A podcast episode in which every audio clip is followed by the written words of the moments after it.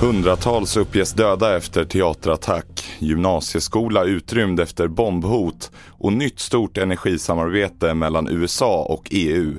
Det är rubrikerna i TV4-nyheterna.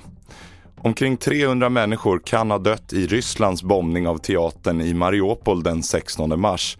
Det uppger nu ukrainska myndigheter. Hundratals människor tog skydd i byggnaden.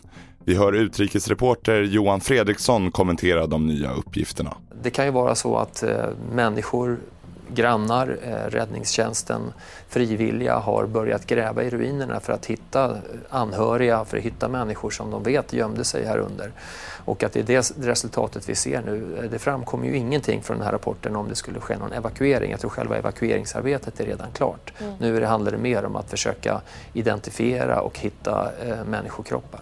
Mer om utvecklingen i Ukraina på tv4.se. En gymnasieskola i Halmstad har utrymts och tillfälligt stängts idag på förmiddagen efter ett bombhot, det rapporterar lokala medier.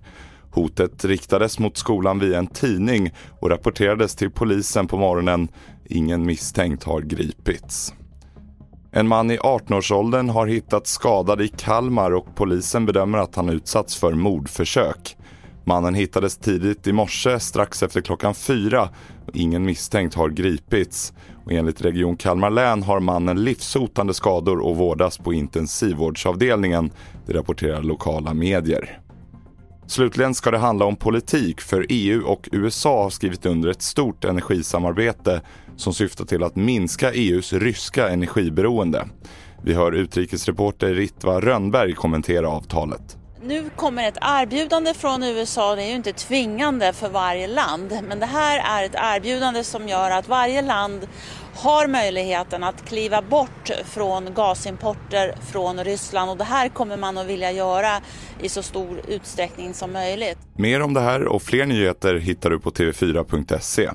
Jag heter William Grönlund.